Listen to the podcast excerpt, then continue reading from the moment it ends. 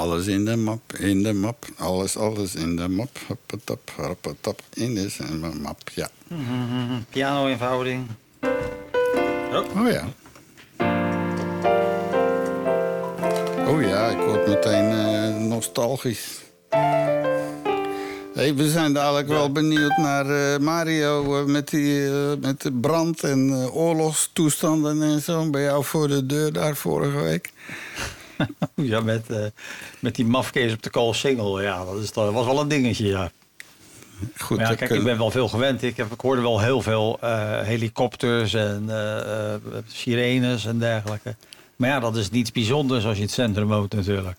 Nee. Maar de dag daarop ging ik naar de Mediamarkt. En toen kwam ik over de koolsingel. Dat was inderdaad... ze waren aan het opruimen. Het leek alsof er inderdaad een oorlog was geweest.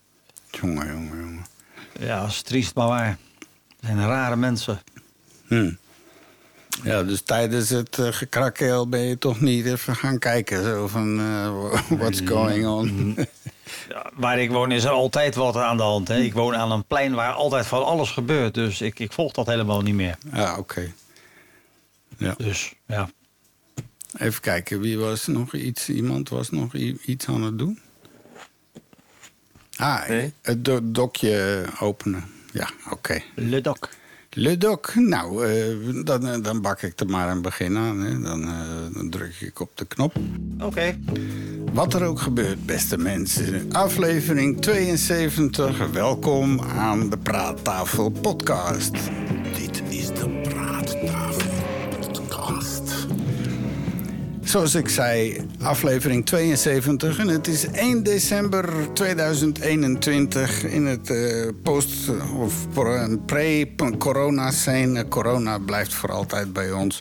Welkom aan de praattafel namens mij. Iston Lelossi, gevestigd in Oudbergen te Antwerpen. Hartelijk welkom vanuit hier. En vanuit Rotterdam, eh, Mario. eh, we hebben dus, ik heb er weer zin in. Het is, eh, het is een beetje rommelig geweest bij ons. Maar alle, de rook is opgetrokken. En ik heb zin in een leuke, gezellige avond. En ook welkom van mij, Eddy vanuit Reti, uit de Kempen. Ja, en, en Chris de Paria is er ook weer bij, uit Antwerpen, eigenlijk achter de hoek van Istvan. Ik heb Istvan nog eh, een vraagje eigenlijk. Ik doe net mijn blikje cola rum open en ik vroeg, mag dat mee in die onkostennota? Ja, dat mag mee in de nota. Die wordt verder niks mee gedaan of zo. Dat gaan we niet betalen, maar het mag er zeker in. Gewoon geen enkel probleem. Oké. Eh, we hebben vandaag een beetje een soort van thema. Naast onze rampen en zo en pek en veren hebben we van alles en nog wat. eh, ehm, eh, ja, toch wat grappige nieuwsdingetjes. Ook in de rubriek eh, rampen gaan we nog eens een keer rond, want dat blijft maar doorgaan. En dan eh, vergeten ramp hebben we gevonden eh, door Mario. Eh Ten slotte in het nieuws gaan we eens even kijken hoe bijvoorbeeld belastingambtenaren zichzelf frauderen of zo. Heel ingewikkeld verhaal, maar je gaat het allemaal horen. En dan gaan we ook nog een beetje uitgebreid in op de toekomst. Zo, hoe zit dat nou met autonome wapens en eh, artificial intelligence en zo. Dat gaat allemaal helemaal niet meer goed komen. En daar hebben we wat hele belangrijke mensen die er van alles over te vertellen hebben. Dus ik zou zeggen, welkom aan de tafel. En ja, allereerst begin ik altijd met maar dezelfde vraag aan iedereen. eh, ja, waar, waar we het vooral allemaal maar niet over moeten gaan hebben. Over vervelende technische podcastgezeiktoestanden. Ja, en bugs in software. Ja, voilà. Software, podcast, daar gaan we het niet over hebben. Nee, oké, dat is heel goed. Bij deze eh, sluiten we dat onderwerp ook af. Ehm, eh, Omicron. Oké, ja. Dat is ineens, ja. eh, ineens de nieuwe wereldterm voor alle ellende, voor alles wat slecht is met de mensheid. En ze hebben een paar Griekse letters overgeslagen. Hè? Want het had eigenlijk Chi moeten zijn na Delta.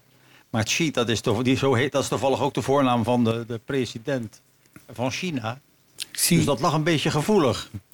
Die Ah. heet Xi, Ling- eh, weet je wat, Xi Jinping. Eh, ja, en Xi is inderdaad, dat was eigenlijk de letter die volgens mij aan de beurt was na de Delta. Hmm. Dus uit, eh uit piëteit en ze lopen een beetje op eieren natuurlijk, hebben, zijn ze voor Omicron gegaan eigenlijk. Maar inderdaad, vervelend dat hij er is. Ja, alleen we weten er nog niet veel van. of, dat, of we er nou echt heel erg ziek van gaan worden. Of dat er miljoenen doden gaan vallen of wat dan ook. Dat weten we niet, nee. Maar We zijn nu het genoom aan het sequenzen. Maar we kunnen geluk hebben als het dus inderdaad een veel besmettelijker variant zou zijn. Met veel minder, eh, eh, en, je wordt, en je zou er s- veel minder ziek van worden, dan is het zo- een soort win-win situatie. Ja. oké. En, Maar dat eh, weten we nog niet. en, Eddie, moet jij ook al telewerken nu en zo? Uiteraard, uiteraard. Telewerken hè, van thuis uit. En, en daar zit je helemaal niet mee, hè?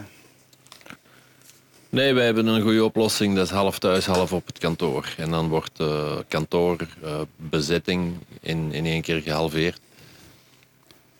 En je werkt de helft thuis en de helft kan je zelf gaan besmetten op bureau. Ja, ja. Oké. En eh, Chris, die eh, houdt zichzelf ook eh, goed veilig? Ja, ik, ik werk nog steeds niet. Dus ehm, er waren wel sprake van dat we in de showbiz terug wel wat werk gingen hebben. Maar onze minister Jan Bon heeft daar nu net een, een, een stokje voor gezet en die wil alles terug sluiten. Oké.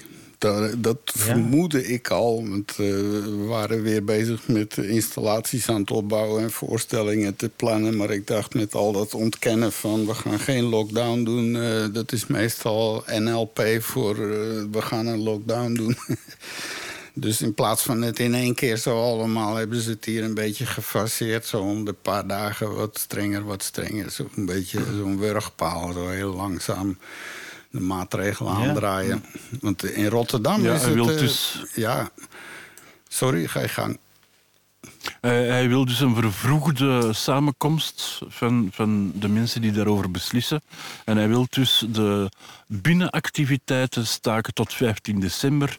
Maar ja, 15 december, dat is ook maar eh, met je vinger in de lucht voelen. Dus, dus ze zijn er niet meer gerust op nu. En dan bedoel ik de showbiz-mensen zijn er niet meer gerust op. Nee, ik ben ook diep onder de indruk en stilgevallen. Ja. Want ik eh, zit daar ook een beetje in natuurlijk. Maar ja, ik ben al eh, wat snappels kwijtgeraakt deze maand. Er stonden wat optredens her en der gepland en die niet doorgingen. Dus ik ben nu ook al een eh, economisch slachtoffer.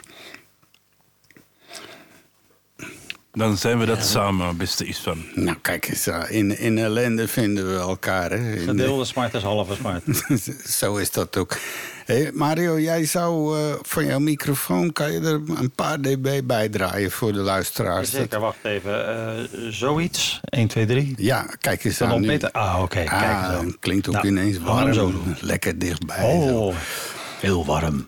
Alright. Eh, dan nog iets anders of zo? Eh, die formatie die eh, Ja, dat is een, een gebed zonder einde in Nederland. Dat, dat blijft maar doorsukkelen. En ja, ik, ik, ik begrijp het ook ergens een klein beetje wel. Want tenminste, ik begrijp het niet. Maar ik, ik, ik vermoed wel dat het zoiets is.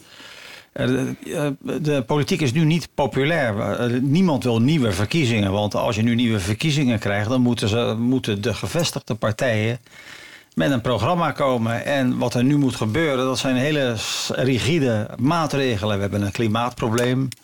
Eh, we hebben natuurlijk corona, de, de, de stikstof, eh, de uitstoot van stikstof en dergelijke. Dus er moet gesnoeid worden. Ja, en dat is leuker, maar daar win je geen kiezers mee natuurlijk. Dus het sukkelt maar aan en, en eh, ja, er gebeurt eigenlijk niks. Behalve Nee. dan dat de steden in brand staan en eh, de, de, Ja. polities worden aangevallen en eh, er wordt echt gevuurd op demonstranten en zo. Het lijkt wel Ja, dus- Burma, weet je wel, een beetje. Zeker. Nou, ik las ook een, een poll waarbij gesteld werd, dat, is, dat kwam uit Amerika, dat Nederland vermoedelijk het, eh, het land is met eh, wat het verst, eh, hoe zeg je dat, geïndividualiseerd is. Dat houdt dus in, er is geen enkel eh, eh, gezag meer, eh, wordt niet meer geaccepteerd. En iedereen vindt zichzelf het centrum van het universum, zou ik maar zeggen. En dat is lastig. Ik denk dat het Ja. polderen ons de nek heeft omgedraaid. Wij, wij, wij zijn bekend, eh, Nederland is bekend vanwege het polderen. Bij ieder overleg moeten alle partijen om, om de tafel gaan zitten. En iedereen moet zijn standpunten kunnen uitwisselen. Werkgevers en werknemers en noem het maar op. Maar ja, nu hebben we problemen en nu denken ze dat ook zo te kunnen doen. Terwijl je nu dus mensen nodig hebt die gewoon de knoop doorhakken. Dat is een beetje het probleem. Maar, maar dat gaat niet. En je hebt Want we moeten Nee. overleggen. We moeten een breed overleg. We moeten een maatschappelijk Zeker. overleg. Over alles. Alles moet uitgezocht worden. En ja, en inderdaad, wat er nou in op de Colosseum, wat er nou in Rotterdam is gebeurd, dat was gewoon eigenlijk een legitieme demonstratie die gewoon gekaapt is. Door het tuig wat veel te lang binnen zit. Dat zijn die hooligans die normaal eh, de boel verbouwen tijdens een voetbalwedstrijd. Ja. Dus dat is ook jammer dat dat zo gegaan is eigenlijk. Ja. Ja. Ik, denk, ik denk dat het hier in Brussel hetzelfde scenario was, hè? K- eh, paria. Ja, min of meer. Ja, dat klopt. En die hooligans die noemen ze de Romeo's. Ik weet ook niet waarom, maar ja, het kind moet een naam hebben. Ah, nee, nee, dat was zo. Op een gegeven moment werd er eh, eh, gefluisterd of geroepen op, eh, op eh, de sociale media dat eh, politie en burger. Met name Romeo's, want zo worden ze in Nederland genoemd. Want eh, de, als er zo demonstraties zijn, gaan er ook agenten in burger onder de demonstranten. Hè? Die gaan Ja. ertussen staan en meedoen en zo. Ja. En, en die worden in Nederland Romeo's genoemd. En hier in Brussel Oh, dat wist ik niet. Was er een, eh, een, een, eh, een de, er werd dus gefluisterd op het eh, internet, maar met fluisteren zeer tussen aanhalingstekens uiteraard, dat de Romeo's de boel aanstichten. Dat die daar dus rondliepen om eh, de boel is op te jutten en begonnen te gooien met dingen en zo. En dan waren daar wat verdachte foto's. Dus vandaar, het was toevallig, pikte ik dat Ja. op op de radio. En dat zijn Romeo's. Dat, dat is van een Nederlandse afkorting. Maar eh, god, die ben ik weer kwijt intussen. Nou, daar- nou dacht ik echt dat dat, dat groepje met die drie onnozel zangers rondliep. en dat die de boel hadden aangestoken. Oh, oké. Nou, Oké. Maar ik had het wel leuk gevonden. ik weet niet of jij die gezichten kent, maar er is nu vanmorgen eh, hebben ze een eh, pagina uitgebracht met 19 van die eh, hooligans die er min of meer herkenbaar op de foto staan, die gezocht Ah, worden nu. hè. Zo'n wall of shame is dat zo, most wanted-achtig. Misschien zitten Ja, daar... er zijn er al acht. Er zijn er al acht gevonden ondertussen. Alright. Nou ja, en we hebben nu ook eh, snelrecht, dus ze komen ook direct voor de rechter. En eh, er is nu al gezegd dat ze in ieder geval de schade moeten, eh, moet verhaald worden op die lui. Ja. Maar, En ze gaan wat steviger straffen. maar spreek wel voor Ja. jezelf, Mario. Dat is in Nederland. Hier in België komen ze waarschijnlijk voor in eh, 2023 voor een eerste hoorzitting. Ja, dat is hier ongelooflijk eh, traag allemaal. Dat, eh, er zijn nu moordzaken van dingen van vier, vijf jaar oud en zo. Dat is echt Toch maar. Om- omdat het hier ook een heel ander systeem is. Want eh, voor het proces moet al het bewijs helemaal sluitend. Want er mag niks meer bij. En dat moet dan allemaal vertaald worden. En als ze ergens maar één paragraaf vergeten te vertalen... dan wordt heel de zaak eh, opgeblazen en onafhankelijk. dat is ook weer een beetje Kafka hier. Oké, dus als, als je dus zeg maar eh, de rechter neerschiet omdat het zo ongelooflijk lang duurt eer jouw zaak aan de, aan, aan de beurt is, kan het nog veel langer duren dus. Of je wordt vrijgesproken omdat ze een technische fout hebben gemaakt. Dat zou ook kunnen. Ja. Ah, oké. En dat gebeurt hier best vaak, die technische fouten, vind ik. Ja. ja. Valt me op. Hm. Nou ja. Maar dat was dus niet het onderwerp van deze avond, dacht ik, beste Isvan. Nee, nee, nee, zeker niet. Dat is allemaal waar we het allemaal niet over gaan hebben. Ehm, eh, In elk geval, eh pek en veren, dat is, daar moet ik nog een jingletje voor maken. Maar ik heb deze week wel een heel aparte onderwerp daarvoor. En eh, eerst eh, gaan we toch eens luisteren naar een eh, vrij serieuze eh, bijdrage vanuit BBC. Want eh, het- het gaat over Colombia, hè, het land in Zuid-Amerika. Eh, daar is wel vrede gesloten met die vark enzovoort. Maar of dat het nou echt goed gaat, dat eh, zou ik niet durven te zeggen. Maar eh, laten we ze. Ik heb het een beetje ingekort, maar is om een beeld te krijgen van hoe het er nu nog mee staat. Het is niet al te prettig. It is five years since a peace deal in Colombia ended more than half a century of conflict between the government and left wing rebels of the FARC. But security has worsened in many rural areas as gangs battle for territory previously held by the demobilized guerrillas. Mass killings, displacements, and the murders of community leaders have all risen since 2016. Matthew Charles sent us this report from Colombia, and a warning you may find some of what you hear upsetting. Shootouts like these on the rural outskirts of Quibdó in the Pacific region of Chocó are not isolated events. Rival armed factions are engaged in bloody rivalry over turf, drug production, trafficking routes, and other illicit economies. Well, it's a busy market day here in the sweltering heat of Quibdó, and I'm on my way to meet Jacinta Romagna, who lives nearby. She says the peace process has brought more trauma for her and her family. In April, a young son was murdered by resurgent drug gangs. Almost 10 years to the day, her first son was also killed. Both were just 12 years old and victims of being in the wrong place at the wrong time. I've lost two children to this conflict, and I don't know why. All we know is war here. Like many places in Colombia, Quibdó has become more violent and more dangerous since the peace process. Last year, Jacinta and her family were forced to flee their home because of clashes between armed groups. Jacinta says she gets angry when she hears the government talk about peace. It's so stressful. Peace is a joke. I'll never have peace. The peaceful life still eludes many Colombian families. Ja, dus ik weet niet, ja, het was een beetje zacht, maar je hebt misschien kunnen volgen. Dat is daar geen uh, prettige toestand daar in uh, Colombia op dit moment. Uh, er is dus een hoop geweld en druggangs en vark. En er zijn nog steeds afrekeningen. En dat arme mensen ja. kinderen zien vermoorden en zo. Dus heel droevig. Nou, als je dat hoort, dan vind ik het nog heel vreemd dat je dus... Want de Amerikanen krijgen volgens mij... die luisteren niet naar de BBC, denk ik... maar die krijgen een reclamespot te horen die zo gaat. Some say Colombia is without a doubt the most welcoming of countries. A place where check-in means welcome... and check-out means come back soon where modern cities will surprise you with an endless supply of urban adventures, while quaint heritage towns greet you across insanely photogenic streets, and where the people are brimming with talent, innovative ideas, and lots of opportunities for great business.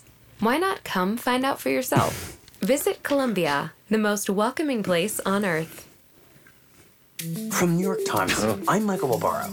Uh, ik geloof ja, dat dat wel. dat is toch wel ja. een hele andere boodschap. Uh, als je dus de BBC hoort van uh, killings en violence. En arme mensen zijn op zoek naar vrede. En dan gaan de, de regering daar even een, een, mooi gezicht op zetten. Van alsjeblieft kom hierheen. En great business opportunities. Ja, voor, voor kookexporteurs. Ja. Dus het lijkt ook een beetje op dat je in Spanje in je hotel aankomt en, en denkt van, tja, in de folder zag het er helemaal anders uit. ja. ja. ja. Als je ah, ja. dus je schietpartijen voor de deur van je hotel hebt en moordpartijen, dan is het inderdaad niet helemaal hetzelfde als een. Uh, als nee, een, maar ja, je, hebt je, je, kan tegenwoordig ook het Tsjernobyl bezoeken. Hè? Als een, met een leuke, spannende vakantie naar Tsjernobyl. Dus ja, je, hebt natuurlijk wel, je moet een beetje van wat actie houden, denk ik, in Colombia. Je zou, twee, je zou de twee clips door elkaar kunnen monteren. Hè? Een stukje van het een en een stukje van het ander. Ja, en dan met een beat eronder. ja. ja joh, dan gaan we een, een, een 19 achterna, weet je wel. Dat ken je toch nog wel? Ja, ja. Yeah, there was a war in Vietnam and he was only 19. No, no, no, no, no, 19. ja. Maar in dit geval is het dan meer de rare business opportunities. En dan dat schieten. En dan... People are welcoming you. Ja, Het, is, het is een triest land helaas, Colombia. Mm. Trouwens, eh, heel Midden-Europa, oh, wat zeg ik, Midden-Amerika, die strook ook Honduras schijnt het meest gewelddadige land te zijn. Maar over het algemeen is het daar niet goed toe, denk ik. Of je moet heel veel geld hebben, denk ik. Hmm. Ja, nou ja, vandaar ook die enorme stroom aan vluchtelingen die allemaal uh, naar het uh, noorden gaan, hè? Ja. Naar, naar de ja. United States. Ja, dat is waar. Ja, ja, wij mogen nog ons altijd hier een beetje, in elk geval in die zin, een beetje blij maken dat het nog wel heel wat erger kan eh, dan, dan het hier is. Hoewel het hier dan ook. Ja. Pek en veren verdienen ze, ja. Oké, nou, daar gaan we wel een, eh, mooie jingle voor maken. Dus vandaar. Eh, dan gaan we naar de rampen. Dus we hebben een tijd lang alle rampen gevolgd van de wereld. Eh, deze zou ik meteen willen skippen naar gewoon een ramp in de maak. Eh, ik kwam daar heel toevallig op een link van BTC Direct. Het- maar het is ook helemaal te vinden in het nieuws. In El Salvador wil een volledige Bitcoin-stad uit de grond stampen. En nu, nu wacht even. U weet allemaal nu wat er op Palma aan de hand is. Hè, met die vulkaan die daar aan het uitbarsten is. En er- er is nu een nieuwe eh, scheur open gegaan. En er wordt nog een heel Ja. stuk van dat eiland. Het hele eiland wordt volgens mij binnen een paar jaar een grote zwarte vulkaan. Een puinhoop. Kan. En, en in IJsland hebben we het al een paar keer met die ja, flaf, flaf, flaf, flaf, flaf, flaf, Jokul. eh, Hoe? die die, die, eh, Ja. die eh, luchtvaartstop, vulkaanuitbarsting een aantal ja. jaren geleden enzovoort. Maar oh- ja, dus een klein detail. Die volledige Bitcoin-stad wordt uit de grond gestampt naast een vulkaan. Nou ja, dat, dat geeft een beetje weer hoe, eh, hoe het met de bitcoin staat. Eh, ik quote, eh, El Salvador is van plan een bitcoinstad te bouwen aan de voet van een vulkaan. De stad staat volledig in het teken van de bitcoin en zal ook door bitcoin-obligaties betaald worden. President Ja. Najib Bukele, hè, die speelt ukulele, zei dat er nauwelijks belasting betaald hoeft te worden. Nou jongens, allemaal naar de vulkaan. De enige belasting die nog geïnd wordt is BTW. De stad zal verder vrij zijn van inkomsten, eigendoms, vermogens, onroerende zaak en loonbelasting. Nou, kijk eens aan. nou, ik vind het wel een spannend financieel eh, eh, avontuur. ja, kijk, als alles bitcoin is, dan maakt het niet uit hoeveel dollar dat die waard is. Want een brood is dan een eh, halve bitcoin vandaag en morgen en overmorgen. Ik weet ook niet hoe... Nou ja, ik, ik, ik- het is natuurlijk een decentrale munt. Dus eh, ten opzichte van eigenlijk alle andere valuta is, is, is het net zoals het, het is het nieuwe goud. Als, als er ergens gezeik is in de wereld en het financieel stort de boel in, dan gaan mensen goud kopen, want dat is waardevast. Nou, de bitcoin eh, is, is een- zo'n centraal, dat is eigenlijk het digitale goud van nu. Dus eh, dat, het, heeft, het trekt zich niets aan van de markt. Je kan het niet, je kan het niet devalueren. Het is er gewoon. Het beweegt natuurlijk wel, maar dat, dat, dat komt door de peer-to-peer, door mensen die gewoon bitcoins kopen. Dus op zich vind ik het een heel interessant iets. Ik kan me ook voorstellen dat heel veel banken daar een beetje nerveus van worden. En je ziet ook hele regeringen die nu bitcoins coins komen voor een achter de handje. We gaan zien waar het heen gaat. Ja, omdat eh, het gaat vreselijk op en neer. Hè. Dus eh, even kijken. Maar eh, ja, Shea heeft er wat. Oh, het is nu weer een eind flink gedaald. Het stond, even kijken, vorige week ik heb ook op maximum op 52.000. Maar we zitten nu Ja. alweer op 50.000. Dus, maar als Ja, je het maar op, op in lange termijn bekijkt, het kwakkelt een beetje. Maar, maar Het heeft een stijgende lijn. Ik heb dan wel ook wat in Ethereum geïnvesteerd, maar met name voor die NFT's en zo. Daar wil ik wat mee gaan doen. Ah ja. Dus, Ja, dat heb ik ook. Ik heb een wat bitcoins en wat ethereums. En het is om een beetje speelgeld om te kijken hoe het zich allemaal eh, ontwikkelt, zal ik maar zeggen. En, En, en, je kan zien, als je het over een aantal jaren ziet, sinds bitcoin bestaat, is het toch een gestage zaagtandgolf. Een beetje naar boven, een beetje naar beneden, die toch wel in totaal aan het klimmen is. ja, ja, Dus zeker. je moet je niet gek laten maken. Dus eh, wie weet. Nee, nee. En eh, jullie, eh Eddie en eh Paria, geen... geen eh, Ja, ik had vorig jaar eh, had ik eh, gedacht van ik zal hier eens een klein beetje geld in steken om te zien wat er gebeurt. En het is maal 10 gegaan op die tijd. Zo, prima. Ik ben, ben er Ja. blij mee. oh, En ik zelf heb vandaag...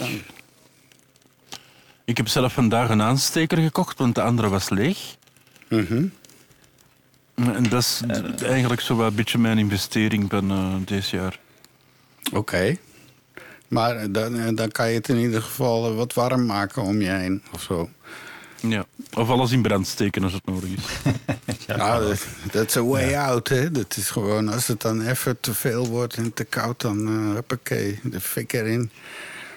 Nou ja, het, het- kijk naar de, de weersomstandigheden nu. Het begint toch wel erg guur te worden ook nu, hè, met, dat, met dat- die klimaatopwarming. En, eh, ik vind het geen lekker weer tegenwoordig. Mhm. Hebben jullie daar nou veel last van? Van dat die, die eeuwige regens nu en eh, koud en vervelend?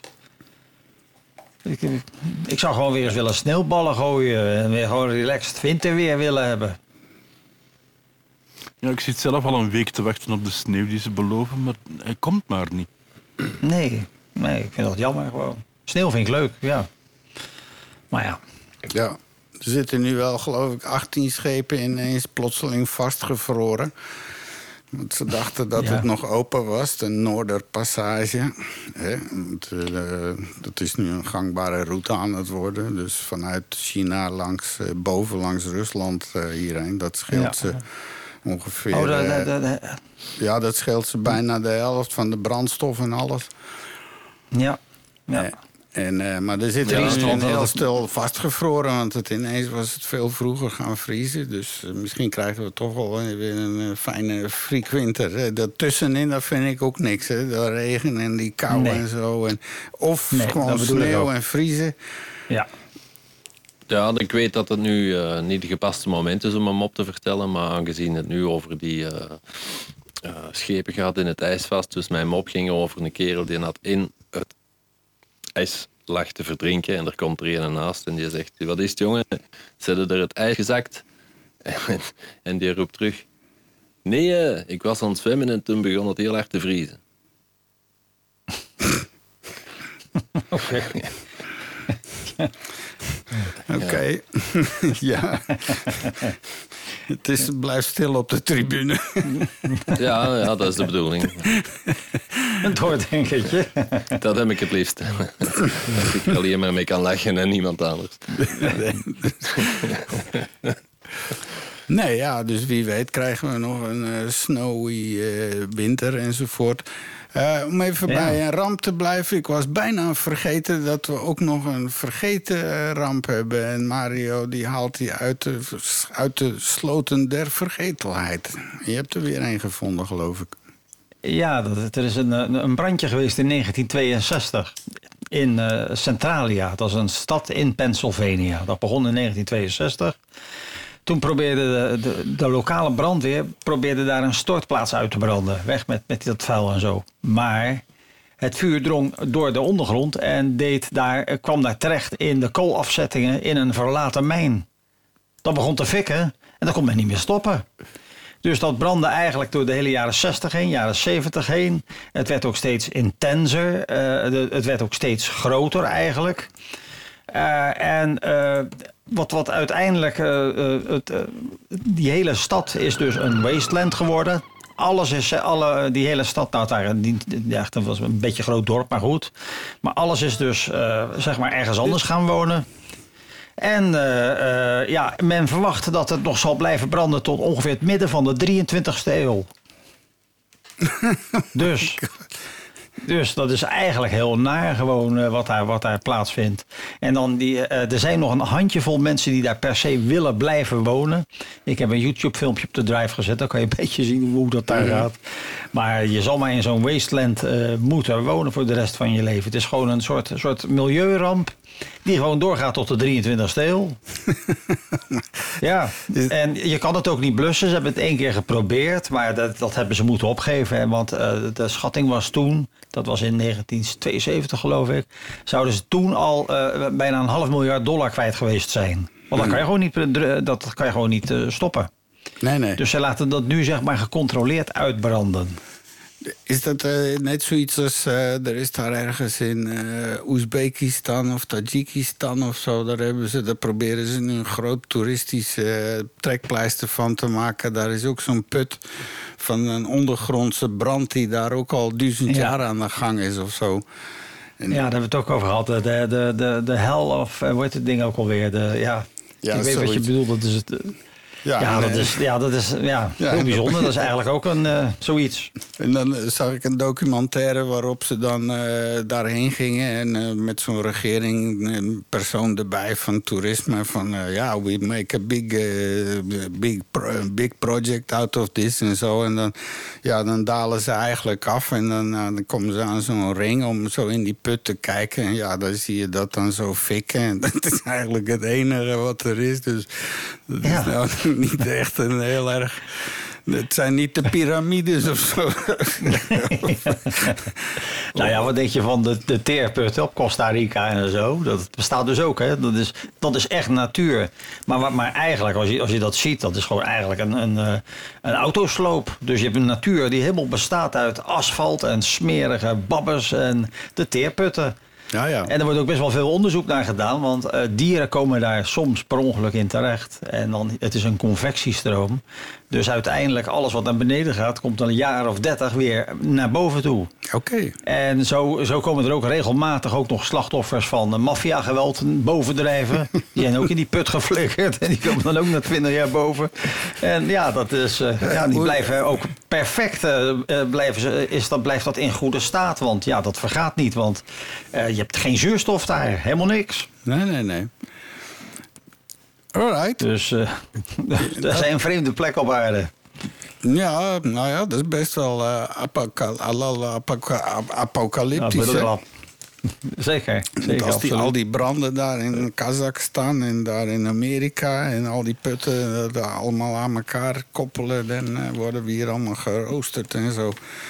Dat gaat toch niet echt goed komen met ons hoor. Want dan koppel ik dat een beetje aan het volgende onderwerp. Want we zouden ook zo'n beetje over de toekomst gaan praten enzovoort. Ja. Hè, van eh, dingen die op ons afkomen. En, eh, en die, eh, die, die we misschien eh, goed vinden en hopelijk eh, als vooruitgang ervaren. Maar het kan ook wel heel anders lopen. Dus, op, dus laten we maar eens beginnen. Iemand van de BBC heeft toen destijds mening gevraagd aan meneer Stephen Hawking. Wat, wat hij voor een toekomstvisie had. The internet has brought a lot of benefits, but it has its drawbacks and dangers, such as pornography and threatening messages. Hij zegt dus dat het internet ons veel gebracht heeft, maar dan met name ook pornografie en bedreigende boodschappen. Ja, Ja. ja. Oké. Ja, dat is heel vreselijk, die bedreigende boodschappen. Dat is heel vreselijk, ja. nou, eh, om even daarop in te haken, hier, op- hier is nu die Bart de Pauw, eh, die tv-maker en die komiek. Oh ja, die, oh ja dat eh, heb ik gelezen, ja. Ja, die is nu wel dus eh, schuldig bevonden. Hè? Intussen Het is toch gewoon nu een misdadiger is het. Een soort MeToo-verhaal, eh, ja. Ja. Ja, maar het ging ook om tientallen sms'jes van ik wil je neuken en ik wil dit en zo. En dat was allemaal dan als een soort grap bedoeld of zo. Maar ja, ik weet ook nou niet wat daar nou echt helemaal leuk aan Nou, ik vind het ook niet echt slim van een publiek iemand om dat zo te doen. Als je in een publieke functie zit, moet je dit gewoon niet doen natuurlijk. Ja. Ja. Het probleem was ook dat hij deed bij zijn eh, personeel. Dus hij was dan boven die mensen. En ja, die durven niks anders doen, omdat ze later nog wouden werken. Ook Dus nog dan heb je inderdaad Ja. een MeToo. Ja. een soort chantageachtig bijna is dan. Hè? Maar ja, not happy, not happy. Not Maar, happy, eh, it's not good. Maar Steven was nog niet klaar. According to the new head of GCHQ, the internet has become the command center for criminals and terrorists. More must be done by the internet companies to counter threat, but the difficulty is to do this without sacrificing freedom and privacy. Now, when you watch software engineers and machine learning experts at work, as, as they have been on this project, uh, how far along the path to artificial intelligence uh, do you think we are? The primitive forms of artificial intelligence we already have have proved very useful. But I think the development of full artificial intelligence could spell the end of the human race. One dat is een nogal eh, Spannend. stevige uitspraak, hè, deze. useful. Nogal, ja. But I think the development of full artificial intelligence could spell the end of the human race. Once humans develop artificial intelligence, it would take off on its own and redesign itself at an ever increasing rate. Humans, Ja. who are limited by slow biological evolution, couldn't compete and would be superseded. Thank you for those fascinating insights. Thank you very much, Professor Hawking. Nou, Er, ja. beste is van, er is een, een, eh, een, een ze noemen het de paperclip-explanatie. Ik weet niet of dat je ooit van gehoord hebt. Maar dat gaat als volgt. Neem nu, je hebt eh, een computer met een 3D-printer en je zegt van... Nou, ehm, ik ga die zodanig programmeren dat hij eh, op zijn beste manier paperclips kan maken. En dat machine begint te werken en maakt paperclips. En, en dat is allemaal goed en wel. Maar dan begint de machine te denken... ja, als ik nu eens eh, een tweede machine zelf bouw... dan kan ik nog meer paperclips maken. En, en dat, dan werkt het nog allemaal goed. En op den duur heeft hij een heel fabriek met paperclips gemaakt. Eh, en dat maakt allemaal paperclips. En dan begint de machine te denken van... ja, maar als ik nu eens alle grondstoffen zelf begin te nemen... dan, dan kan ik nog beter en nog meer paperclips maken... En om het verhaal kort te houden, op den duur zijn wij er niet meer en zijn er alleen nog maar paperclips. Oké. Een boeiend vooruitzicht. maar inderdaad, eh, ja, dat is het griezelige van AI natuurlijk. Eh, Als, als, ja, als, als dingen gewoon intelligent worden. eh, de, de, denk maar aan die Internet of Things, wat nu een dingetje is. Ja, en als, als dingen, apparaten autonoom dingen gaan ondernemen, dan is dat best wel heel, heel griezelig. Er was een heel apart verhaal deze week van die, eh, een, een arme Koreaanse vluchteling. Die was naar China gevlucht. Die heeft daar wat rottigheid uitgevreten. Die is in de gevangenis gesmeten. En, eh, maar wat ze daar doen met mensen die, met name met Noord- Noord-Koreaanse vluchtelingen, met name, die eh, worden na het uitzitten van hun straf worden die teruggedeporteerd. Dus natuurlijk zag die man dat helemaal niet zitten, want die was wel bijna door zijn straf heen. Eh, en, maar die is dan dus ontsnapt uit die gevangenis. Die is een dag of vijf, zes onder run geweest. Die is uiteindelijk wel gepakt, maar toen aan het eind van het nieuwsbericht zeiden ze... wie is er hier nog blij om? Dat bleek een andere man die dus griezelig veel op hem leek. En door al die Chinese gezichtsherkenningssoftware... die man die is dus vijf keer opgepakt in die vijf dagen. Gewoon elke keer omdat die software hem ze eruit gehaald. En ja, die Chinezen die gaan er natuurlijk met een busje op af en een paar knuppels en huppakee. Ja, dat, Dus dit nou, gaat- dat is dit dus inderdaad dat. Ja. Ja, ik, ik, ben, ik ben, denk dat dat is echt een hele griezelige ontwikkeling. niet zo lang, hè? Eh, sorry, nog eens? Het is niet ver weg. De- ehm, het is dus niet ver weg, beste Isvan, want ik zit actuele assistent. En als ik dan aan die assistent bijvoorbeeld vraag van... Hey Google, hoe laat is het? Dan antwoordt 19 over 9 s'avonds. 19 over 9 s'avonds. Maar af en toe, als ik dat vraag, begint hij ook alle sportclubs in Antwerpen op te stellen. En dan word ik kwaad en dan zeg ik... Hey Google, fuck you. En dan antwoordt hij... Maar Het spijt me. Ja, normaal zegt hij meer. Maar het raarste van heel dat verhaal is... Als ik vraag... Hey Google, luister jij mijn gesprekken af? sorry, ik heb het niet verstaan. Ze heeft dat niet verstaan. Normaal wel, hè? Ik zal het nog eens proberen. Hey Google, luister jij mij af?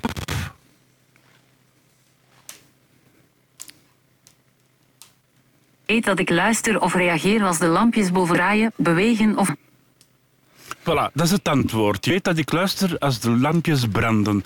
Dus in wezen zegt hij niet nee, ik luister u niet af. Hij zegt ook niet ja, ik luister u af. Dus het blijft nog een beetje onbekend wie dat er eigenlijk mij afluistert. Dus dat is ook het probleem met, met, met de, de, de toekomst. Ja, en... eh, Ja. ja. Ja, iemand? Ja, het is natuurlijk een hele Ja, precies ontwikkeling. indrukwekkend, hè? Dat is heel indrukwekkend, maar we worden echt in de gaten gehouden. En heel veel van die zooi hebben we eigenlijk ook helemaal niet nodig. Waarom moeten we... Ik heb een ijskast, ik gebruik het niet, maar mijn ijskast heeft wifi. Waarom moet een ijskast wifi hebben? Wat hebben we aan ijskasten met wifi? Ik, ik, eh, ik vind dat een hele Als je nou bizarre van op ontwikkeling. afstand als je nou van op afstand met je gsm een foto hebt getrokken, dan moet je die toch kunnen uitprinten. En zet dan blij dat je een ijskast met wifi hebt. Ja, misschien ik had, wel. misschien wel. Ja, ja, Ik had, vorige week, ja, ik had vorige week een nieuwe muis gekocht voor mijn computer. En die vroeg of dat hij eh, contact mocht maken met mijn contacten in mijn e-mail. Dus, dus ja, t- waarom, Ja. wie gaat die muis mailen? Ik bedoel, de- wat is die allemaal van plan? Dat zijn van die rare dingen. Ja, Nee, maar dat is voor de contact tracing. Als je dus positief bent met corona, dan krijgen al die contacten... want je hebt daar via die muis aan die contacten gezeten, ja. Maar vraagt dat dan aan Google, dan zeg je Google, wat is die muis allemaal van plan? Ja, en, en, en, en waar praat hij dan mee? Als ik zo'n muis zou hebben, zou hij dan met mijn ijskast praten? Dat weet ik helemaal niet. Het zijn hele griezelige dingen, Ja, zoiets. of, eh, of, eh, of maakt die een date met mijn lief die ik niet heb of zo? Het zou allemaal kunnen, ik weet het dus niet. eh. Nee, nee. Nee. Maar juist al van die dingen niet nodig. Waarom heb ik dan zo'n assistent? Wel, af en toe vraag ik aan die assistent: Hey Google, geef mij eens een compliment. Hij moet lang denken. Ja, Heel er is, lang eh, denken. maar je, Kom aan, je Google, geef mij een compliment. Maar je verbinding breekt weer op. Jij bent de kroon op mijn... Ja, hij heeft iets gezegd, ik heb het niet goed gehoord. Hey, maar ja, af en toe... Jij zet een kloon, zei ze. Heb niet gehoord? Jij zet een kloon, zei ze. Ja, waarschijnlijk. Maar is het dan met een C of met een K? Hè? Dat is de vraag. Ja. Hey, kan jij voor alle zekerheid jouw recordknopje indrukken? Want je audio breekt eh, regelmatig op. Hele stukken is het goed, maar als je een beetje opgewonden raakt, dan ineens dan. eh, en ook terwijl die Google bezig is, gaat het ook. eh, ik vraag me toch af wat de, of het de verbinding wel. eh, Ah, dus ik mag me niet meer opwinden, zijn boodschap. Nee, nee, nee. ja, of, of eh, gewoon eh, iets verder van de mic afblijven dan maar. eh, en dat er, Ah, ja. dat, Oké. bijvoorbeeld. Ja, maar, wint u wel voorzichtig op, hè? Zeg. Ja, te traag met het sleuteltje. Oké. Oké, we shall see. Eh, even kijken, waar waren we gebleven? Mm, even inhalen. Ja. Eh, met, ja, met ah, ja. Artificiële intelligentie. Ja, precies. Ehm, nu, eh, nu dat eh, meneer Hawking die wijze woorden heeft gesproken... heeft iemand anders daar ook heel goed naar geluisterd. En die, die is dan al bezig met de oplossing van... wat als we dadelijk hier met z'n allen... want nu ineens gaan de Chinezen gigantisch veel kernwapens produceren... En die hebben Ja. nu ook eh, bewezen dat ze dus eh, eigenlijk eh, willekeurig op elke plaats van deze planeet binnen een paar uur iets kunnen laten vallen uit de hemel met wapens via. Nou, sterker nog, ze hebben supersonische raketten, dus die kan je niet meer onderscheppen. Nee, hypersonisch. Supersonisch Ja, is al hyper- lang passé. nee, het is nu nee, hypersonisch, hypersonisch. Die gaan dus tot Mach 50. Dat, zijn, dat, dat is niet meer voorstelbaar. Het, en, en, en die kunnen. Gewoon om de planeet heen... en dan gewoon eh, twee keer om de planeet heen en dan boef. En dan in de eigen achtertuin. Dat is wat ze nu gedaan Ja. hebben. Ze hebben, ze hebben hun eigen voetbalveld in de woestijn daar eh, aangevallen. en Met een testaanval een paar weken geleden. En, de Amerikanen, al die generaals, eh, zaten daar in het congres van... Oh ja, we- had no idea, we had no idea. Ja, dat, zagen ze dus niet aankomen. Dus nu de Amerikanen Nee. lopen vreselijk achterop. Eh, dat is allemaal gezellig. Maar ja, dus, dus het gaat allemaal waarschijnlijk helemaal fout. Vooral als je naar deze meneer luistert. En daarmee bedoel ik ons aller bouwer van elektrische autootjes. eh, lanceerder van raketten. Hij is bezig met neuroconnectie tussen computers en hersenen. Hè? Dus om maar een paar dingen te noemen. Eh, ik heb het natuurlijk over Mr. Elon Musk. It's like if, if you if you know that there's a there's likely to be we don't know, but there's likely to be another dark ages, which it seems my guess is there probably will be at some point. Um, I'm not I'm not predicting that we're about to enter dark ages, but that there's some probability that we will, particularly if there's a third world war. Um, then we want to make sure that there's enough of a of a seed of human civilization somewhere else uh, to bring civilization back. Um, and perhaps uh, shorten the length of the dark ages. Um, you know, I think that's why it's, it's important to get a self-sustaining base, um, ideally on Mars, because Mars is far enough away from Earth that a, that um, a- war on Earth, the Mars base might survive. It's more likely to survive than a moon base. But I think a moon base and a Mars base um, that um, that could perhaps help regenerate life back here on Earth would be really important, and to get that done before a possible World War III. Nou, Ja. Dus, eh, klinkt als een vette plug voor zijn eigen handel. Nou, eh, hij is er goed mee bezig. Hè? Hij lanceert eh, elke week raketten. En, hij bouwt dat Ja. Starlink-systeem. dat loopt als een trein. Die Falcons die lopen als dieselvrachtwagens op en neer. En, Zeker, maar zijn stelling dat dat, dat, dat zeg maar dan de uitkomst zou kunnen zijn voor een derde wereldoorlog. Eh, dat, dat er dan toch nog menselijke bewoning is op Mars of op de maan. En dat die dan terug kunnen komen om de planeet te bevolken. Ja. Ja, eh, dat klinkt leuk, maar dan heb, hoeveel mensen moet je dan hebben eh, om dat te doen? Want als, je, als het een bescheiden populatie is, ja, dan, eh, dan heb, krijg, krijg je een, een nieuw menselijk ras met allemaal dezelfde beenriggels, terugwijkende kin en doorlopende en wenkbrauwen. allemaal familie van Elon Musk. Juist. dus dus ja, daar heb ik nog wel mijn vraagtekens bij eigenlijk. Hij is een soort Blofeld, eh, weet je wel. ja, ja, ja. ja. I will destroy the planet. In, in datzelfde interview eh werd er ook gevraagd van, ja, beste Elon Musk, van wat lig je eigenlijk nog wakker? En zijn antwoord was heel krachtig en het was artificiële intelligentie. Ja, nou ja, dat, dat kan ik me wel iets bij voorstellen, ja. Dat is dus inderdaad eh, best wel griezelig voor velen. Ik denk dat het niet zo En- snel zal gaan, maar eh, het, het zit er natuurlijk wel aan te komen. En het is iets van alle tijden, want in de jaren 40 heeft een zekere Asimov ehm, de drie wetten van robotica opgesteld. Ja, ja. Eh, eigenlijk zijn het er vier. Er is een vierde bijgekomen daarna, achteraf. ehm, die wel en niet worden aanvaard door academici, omdat hij eigenlijk een romanschrijver is. Het is eigenlijk science fiction, maar ze komen elke keer weer boven, zoals hier en nu, eh, bij deze gesprekken over robots en artificiële intelligentie. Ja, ja en eh, eh, Asimov was... De, wel, de eerste wet. Een robot mag geen mens geen letsel toebrengen of door niet te handelen toestaan dat een mens letsel oploopt. Wet 2 is een robot moet de bevelen uitvoeren die hem door mensen gegeven worden, behalve als die opdrachten in strijd zijn met de eerste wet. En de derde wet is een robot moet zijn eigen bestaan beschermen voor zover die bescherming niet in strijd is met de eerste of de tweede wet. En dan is er later eh, de wet 0 bijgekomen en dat is een robot mag geen schade toebrengen aan de mensheid of toelaten dat de mensheid schade toegebracht wordt door zijn nalatigheid. Ja, ja. Ja, dat kan ik me nog wel herinneren. Je hebt ook, eh, en Isaac Asimov heeft ook eh, in die tijd dat hij het schreef, eh, schreef ook voorspeld dat er, en toen was er dus nog geen, eigenlijk geen ruimtevaart, dat er eh, ook satellieten zouden komen. Dus het was echt wel een ziener. Het was echt een ziener, die man. Dus eh, dat, dat is best wel interessant dat sommige mensen toch eh, dat, zulke dingen goed aan kunnen voelen. Ja, hij is ook de man van iRobot, die dan een paar jaar geleden is eh, verfilmd. eh. Ja. Ja. Ja, met Will Smith. eh.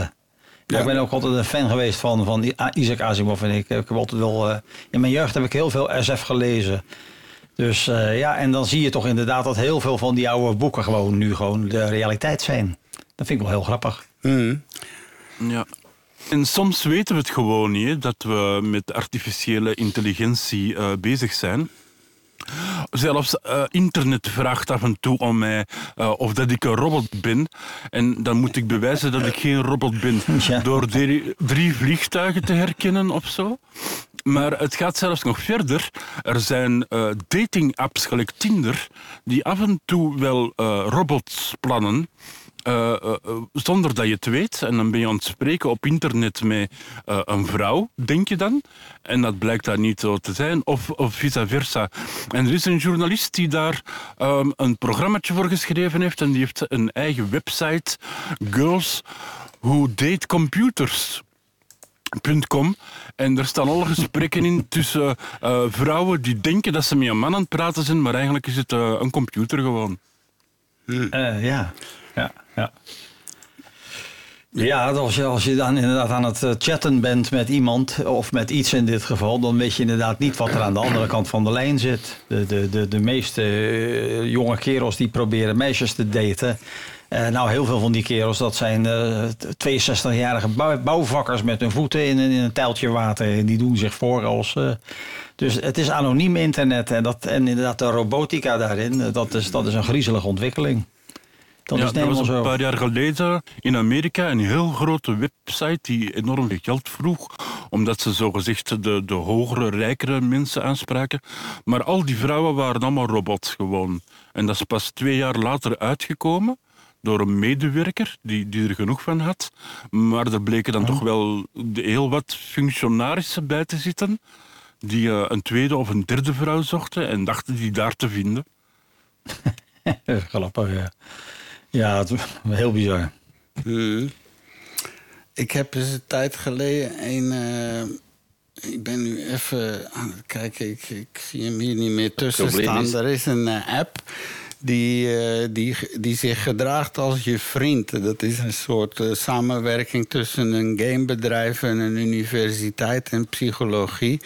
En dat is echt gemaakt om, eh, ja, als je dus echt niemand hebt in de wereld. eh, er zijn heel veel mensen die om allerlei redenen eh, dus dat niet kunnen. En, die, en dat is zo'n elektronische pijl. Ik ga dat nog wel opzoeken. Ik, ik heb dat ergens staan. eh, maar dat is iets van al heel lang geleden, want ik denk een jaar of vijftien geleden of zo eh, had ik, was ik erachter gekomen dat mijn, mijn dochter was aan het praten met een, een chatbot, noemde dat dan.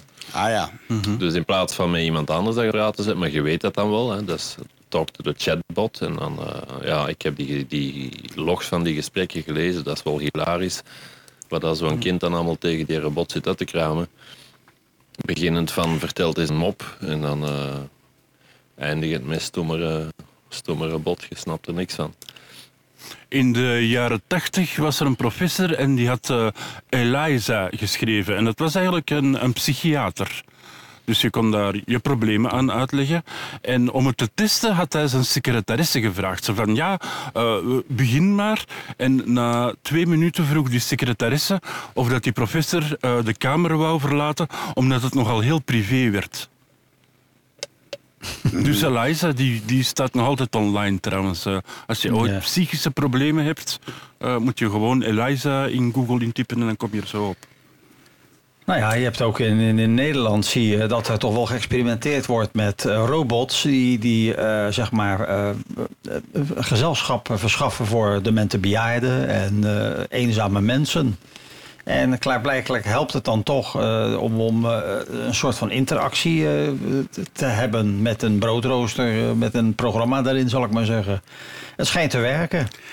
Nou, hier is een bedrijf in Vlaanderen super succesvol. eh, en die produceren de Zora. Eh, dat is een zorgrobot. En die begint nu Ja. inderdaad overal. eh, eh, even kijken hoor. eh, zorabots.be, zorabotics.be. En, en dat, is, eh, dat, dat gaat heel goed. En die gaan zelfs verder dan, eh, dan, eh, dan gewoon een, een, domme robot. Maar die dus echt gewoon... eh, ja, echt ook daadwerkelijk helpt met medicijnen rondbrengen. Weet ik veel wat ze allemaal doen. Maar, dit, eh, die mannen gaan als een speer. Ja. Ja, in Ja, China. In China eh, is bekend waar dat veel jongvolwassenen eh kampen met sociale angststoornissen en de eenzaamheid. Hè. China is daar redelijk voor bekend. Die hebben een website die noemt eh, Replica. En daar kan je dus eh, daten met een robot. Ehm, en je zou zeggen, ja, wie doet Dat nu is zoiets? replica, dat is waar ik het Ja. over had. Dat is een, Ah, oké. Dat is niet voor dating hoor. Dat is niet speciaal voor dating. Maar dat, is een, eh, dat, dat gaat veel verder eh, dan dat eigenlijk. Ja, maar in China gebruiken ze dat om te daten. En je zou dan zeggen, ja, wie, wie doet dat? Ehm 10 miljoen Chinezen blijkbaar.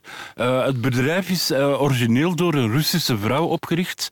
En, en, en ja, de, de, mensen doen dat in China vooral omdat het minder... ehm, je, moet minder investeren in je date. Tegenover een echte date moet je gaan eten of naar de cinema gaan of je haar kammen en proper onderbroek aan doen. Je kent die dingen. En, en dat moet je niet met een, eh, met een digitale date eh, op je computer. Nee, zo zijn er ook mannen die met, met zo'n pop getrouwd zijn. Eh, Ja. Och, die, die poppen Geen laten echte maken. vrouw, maar een pop. ja, het is gewoon zo'n Ja, dat- levensechte vrouw. Als je het ziet, eh, je ziet bij amper het verschil. Met wel Nou ja, dichterbij met- komen om het te zien. En die, dat zal eh, nog steeds veel verder gaan met die artificial intelligence natuurlijk. Ja, die- ja, en die dat dat jij- soort ontwikkelingen. Kan jij een paar dB bijdraaien, Eddie? Of, of dichterop? ja, dat is geen probleem. Ja, Oh ja, oh, kijk eens aan, ja. ik ben er weer Ja. bij. Eh, ja, nee, maar er is zo'n hele industrie met van die keidure eh, sekspoppen zijn dat gewoon. En die, die, die zijn ook voorzien van de nodige voorzieningen, zeg maar. En, maar die dus Sensoren, griezelig menselijk. eh, ja, dat was, de- en, en daar betalen mensen duizenden, duizenden euro's voor. En, en dat gaat dan meer eigenlijk om seks. Maar je hebt inderdaad ook die, die trouwen met... en, en in Japan kan je ook eh, Wedding for One doen. Hè? Dat, eh, dat, dat wordt Ja. ook gedaan. Ja, je kunt ze gewoon op bol.com kunnen ze bestellen. Hè? Wie? Ja, Bol.com, de, de grote winkel. Je kunt ze daar gewoon bestellen. Wat? eh, En, en ben je Oh. tevreden, Eddie? Ben je tevreden van je bestelling? Ik heb die al twee keer teruggestuurd, want je moogt 14 dagen de tijd. Dus nu heb ik En dan al vraag je elke keer een andere. Ja, ja, ja, ik heb een blonde gehad, een met dikke tetten en een donker. Oké, dus één, ding, één ding heel belangrijk. Vooral nooit in de gebruikte afdeling van retouren opkopen. Nee, jawel. of refurbished, dat moet je al helemaal niet willen. Er zijn zelfs bedrijven eh, in België en in Nederland die die poppen verhuren. Een uur of zo. Ja, ja. Oh my god. ja, Ja. eh, maar dan eh, naar het schijnt halen ze dan de, de, eh, de bepaalde onderdelen die gebruikt worden, die halen ze eruit en die wassen ze uit en ze steken dat er terug in. Ja. Eh, Ja. Ja, ja, ja. ja. Ik heb ooit een kortfilm gezien en dat was ook iemand met een pop en die waste die soms in bad. En ik denk dat er een fiet was, want die zwelde op en die dacht dat zijn pop zwanger was. Dat was wel Oké. schrikken, denk ik. Ja. Maar dat was een kortfilm. En dan eh, uiteindelijk gebeurt het en dan komen er een stapel broodroosters uit of zo. Nou, we hadden Ja. het eh, net trouwens over zieners en zo. En ik heb deze clip al een paar keer eh, zo eens langs laten komen. Dat blijft me nog steeds pakken. Eh, deze is dus gemaakt in 1967, is deze opname. En het is Marshall McLuhan. Dat was ook een cultuurfilosoof, schrijver en zo in die tijd. En die wist toen al het vol. En dit is, denk eraan, 1967. eh, toen waren er zelfs nog bijna geen CB-radio's of niks. Hè. Er was niks internet, niks. The uh, global village is a world in which you have extreme concern with everybody else's business. The uh? Dus dat is duidelijk. Hè? Je ziet wat er aan de hand is. Dat iedereen zich eh, op lokaal niveau, op allerlei niveau. Eh, in Nederland heb je een fenomeen dat. eh, daar wordt nu bijna gesproken over dat als alles zo verder gaat met het verbrokkelen van die partijen, al die kleine partijen die breken af en dan zitten ineens drie nieuwe partijen, maar allemaal met één persoon. En dat we uiteindelijk naar een soort Tweede Kamer gaan met 150 partijen. Dat gaat interessant worden. Ja, en Rutte heeft daarop gezegd van eh, laat maar komen. Ik vind het een prachtig idee. Ja. Ja, in België zijn we al zover, hè, want hoeveel ministers en kamers en, en, en toestanden hebben we niet? En dan tweetalig nog wel. Dus, dus ja, zover zitten we er niet af. Ja, we hebben hier de regio's en dan ook de gemeenschappen. En, en, en de gewesten en weet ik veel wat. De provincies. Ja. Provincies eh, en lagen en lagen en lagen van ambtenarij. Dat is inderdaad... En dan federaal en dan Vlaams en Walloons en, en Brussel. En dat is allemaal apart. Dus ja, we hebben wel een hoop mensen zitten. eh. Maar ja, maar in Nederland begint het inderdaad wel vervelend te worden met al die afsplitsingen. En ja, in Nederland wordt, wordt een Kamerlid gekozen eh, op titel en niet eh, op, op zijn standpunten. Dus met meerderheid van stemmen wordt iemand gekozen. Maakt niet uit in welke partij die zit. Dus dan heeft hij ook het recht om eh, in zijn eentje te blijven zitten als hij uit zijn eigen partij geknikkerd wordt. Nou, dat is lekker makkelijk. Dan heb je een goed inkomen. Je zit een beetje in de bankjes en je ventileert af en toe wat dingen. En zo verbrokkelt en versplintert het. Dus eh, eigenlijk moeten ze wat, wat ze zouden moeten doen, is de kiesdrempel omhoog schroeven. Dus wil je in de Kamer komen, dan moet je op zijn minst, eh, laten we zeggen, pak een beetje 300.000 stemmen hebben. Dan heb je eh, mogelijkerwijs slechts een, een stuk of tien partijen waar je het mee moet doen. Eh, en hebben jullie ook in België een kiesdrempel of iets? Hier wel, ja, dacht ik. We gaan het eens even opzoeken in het grote... Gaan we erop wachten of gaan we ondertussen nog iets anders doen? Kiesdrempel Wikipedia in België.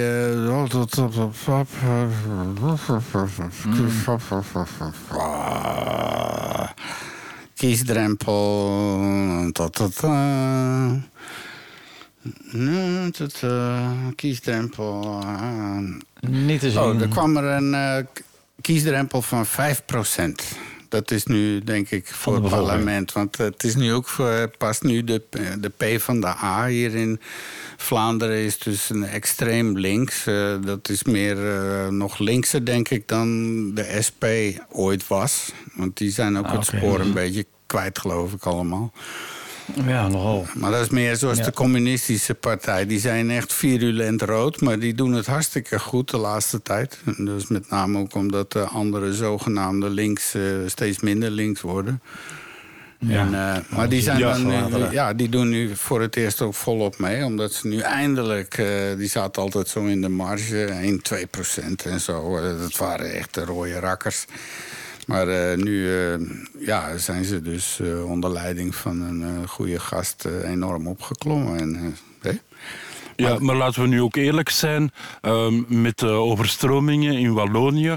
Wie was er op dag één? Allemaal vrijwilligers van PVDA. Ja, ja. Dus, Ja. dus wie, wie doet er eh, geneeskunde voor het volk gratis al, al meer dan twintig jaar? De PVDA. Dus, dus er is wel een reden waarom dat ze nu, vooral nu, eh, eh, aan het groeien zijn. Ja, absoluut. En dat is mede onder de leiding van die Mertens, hè, die nu afscheid gaat nemen. Die, die, die heeft het echt inderdaad in zijn tijd als voorzitter enorm eh, op kunnen stoken, op kunnen stoten in de vaart der volkeren. En ze doen nu echt goed mee. Hè? Maar langs de andere kant, om een, om een eh, partij te beginnen in België is niet zo moeilijk. Ik heb het al twee keer gedaan. Ehm, Nee, echt waar. De laatste was met de schijnburgemeester. Ja, de dat was een BDW, acteur. ja, ja, zeker. Voilà, kijk. En ja, iets van kent hij ook, uiteraard. Ik- ik stond Eh, mee op de lijst. je- ja, en wat had je nodig? Je had eh 100 handtekeningen of een handtekening van een aftredend partijlid van een of andere. Dus, dus ja, je staat een dag op de mer en je hebt meer dan genoeg handtekeningen om een partij te starten. Mhm. Zo simpel is dat. Ja, en dan kom je officieel op de kieslijst te staan. En eh, ja, ik heb dat toen gevolgd. eh, hè, dat, was de, eh, en, dat was die verkiezing, en die laatste verkiezing, ik denk 2018 was dat inmiddels. En ja. Ja, toen had ik een serie podcasts gemaakt met de BDW, de schijnburgemeester. En eh, dat, liep heel leuk. Maar uiteindelijk heeft hij zich toen ook echt ingeschreven in de verkiezingen. En met een lijst eh, waar eh, ja, toch heel wat figuren op stond. Ook van, hoe heet die, Arbeid Adelt. eh, ik zie hem met zijn grote bril op. eh, hoe heet die nou, joh, die presentator. Ah ja, eh, poe. ja. Eh, Marcel Ja, van Tilt. ja. Marcel van Ja, Tilt. Marcel. die stond mee op de lijst en zo. Nog een paar van die figuren. En ehm, uiteindelijk, lo and behold, eh, had hij toch iets van 692 stemmen gekregen. Terwijl eh, Absoluut. zijn programma en zo was volledig kolder en, enzovoort. Ja. Eh, gebaseerd op echt eh, ja, hele kolderieke zaken. Maar om dan toch nog eh, bijna 700 stemmen te krijgen, dat was toch wel een hele. Maar ja, dat Ik had zie, je zelf- bij iedere verkiezingen. Dat, dat, dat zie je Ik had er inderdaad zelf de meest negen- rare... Ja. Ja. Ik had zelf 29 stemmen gekregen. Dat waren er 28, 28 meer dan dat ik had verwacht. Ehm, waarschijnlijk kwam dat omdat ik had gezegd dat als we winnen, dat iedereen een pony kreeg. Oké. Eh, ja. Oké. Ja, dat is kiezersmisleiding, hè? Maar ja, dat doen die politici ook. Dus het maakt allemaal niks uit. Ja, nee, en inderdaad, al die mensen zie je ook in Nederland. De meest rare partijtjes steken dan de kop op. Ja, ja, je had de kutpartij, dat staat voor kie- kies uw toekomst, stem kut.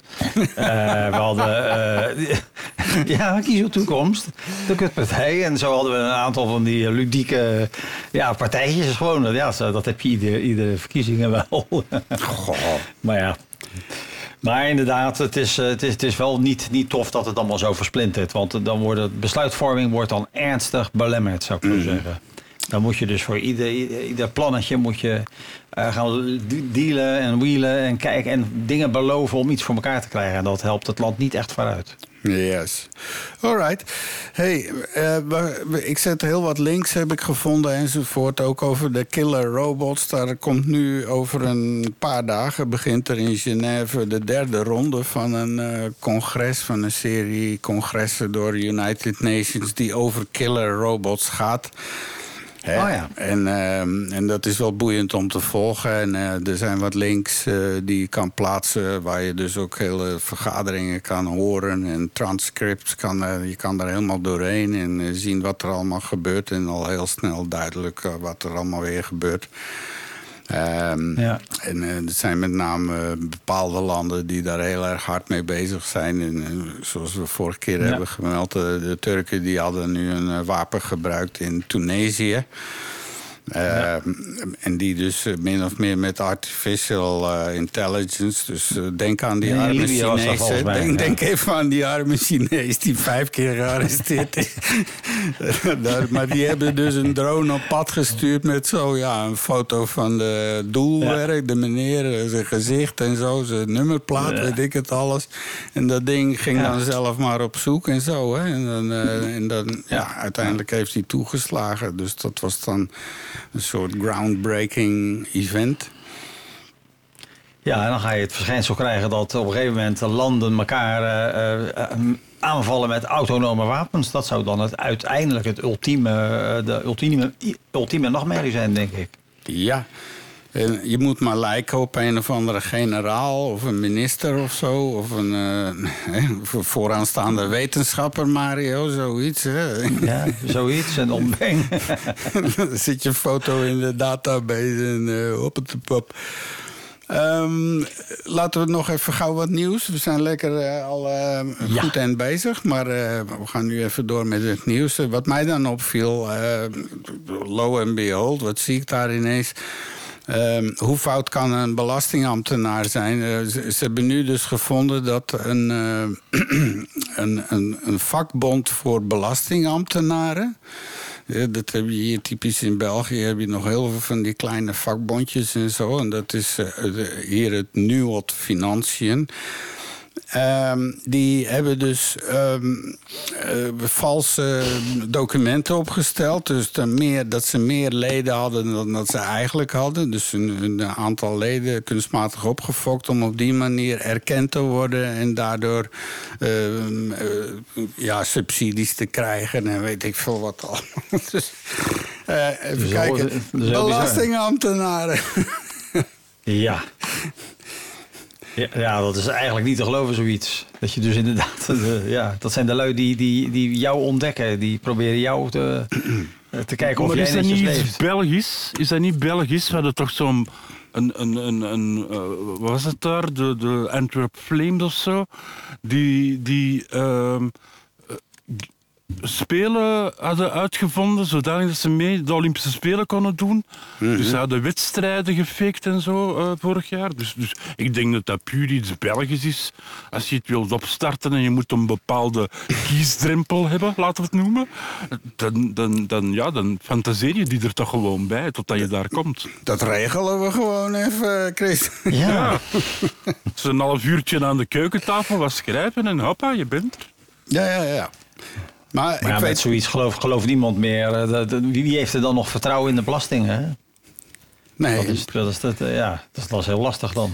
Ja, precies. Eh, zowel vakbond Stoplui van de Nederlandstalige als de Franstalige vleugel. Oh, dus dit keer kunnen we niet de schuld geven of krijgen van elkaar. Waren volgens eh, de klokkenluidster eh, betrokken daarbij. Dankzij de opgeklopte ledenlijst kreeg de vakbond in 2013 erkenning in het sectorcomité van Financiën voor de volgende zes jaar. Dus, dus in ieder geval vijf van de acht vervolgde vakbondsleden zijn in eerste aanleg veroordeeld. Ze hebben allemaal beroep aangetekend. Ja, nou ja, want dan is het weer drie jaar voordat er weer wat gebeurt. Ja. Heel ja. Inderdaad, eh, daar word je ook niet helemaal eh, eh, vrolijk van. Even kijken hoor, ik had toch nog één ander dingetje gezien. Of verbeelde ik me dat maar. Ja, we hebben wel eens een ware mop gehad. Maar misschien, Eddie, kan je ons nog eens eh, verrassen met misschien zelfs een tweede of zo? Of, eh, Nee, nee, dat was de mop van, van de week. Daar heb ik een hele week over moeten nadenken. Ja, die schud je ook niet zomaar uit je mouw natuurlijk. Nee, nee, nee. Dat. nee. En Dus- na veel weken en wegen, oké, dus ik heb alleen die maar. Ja, ja, ja. Heel in de verte hoor ik eh, toch weer zo'n melancholische ja. piano. Want eh, ik, ik denk dat we weer langzaam af gaan drijven. Is er nog iets wat jullie willen melden aan het volk? Zal ik misschien een gedichtje van mij? Ik, ik schrijf elke dag een gedichtje op Facebook. Ik noem het een gedoetje, want eigenlijk is het niet echt een gedichtje. Ik ben ook geen dichter, ik, ik schrijf gedoetjes, dus ik ben eigenlijk een doe, denk ik. En het doetje, is, het zijn maar vier zinnen, dus eh, van gisteren. Oké. nou, heel rustig aan. Ja, met wat pianomuziek op de achtergrond Ah, lijkt me wel leuk. Hè? Ja, een beetje zacht. Voilà, kijk.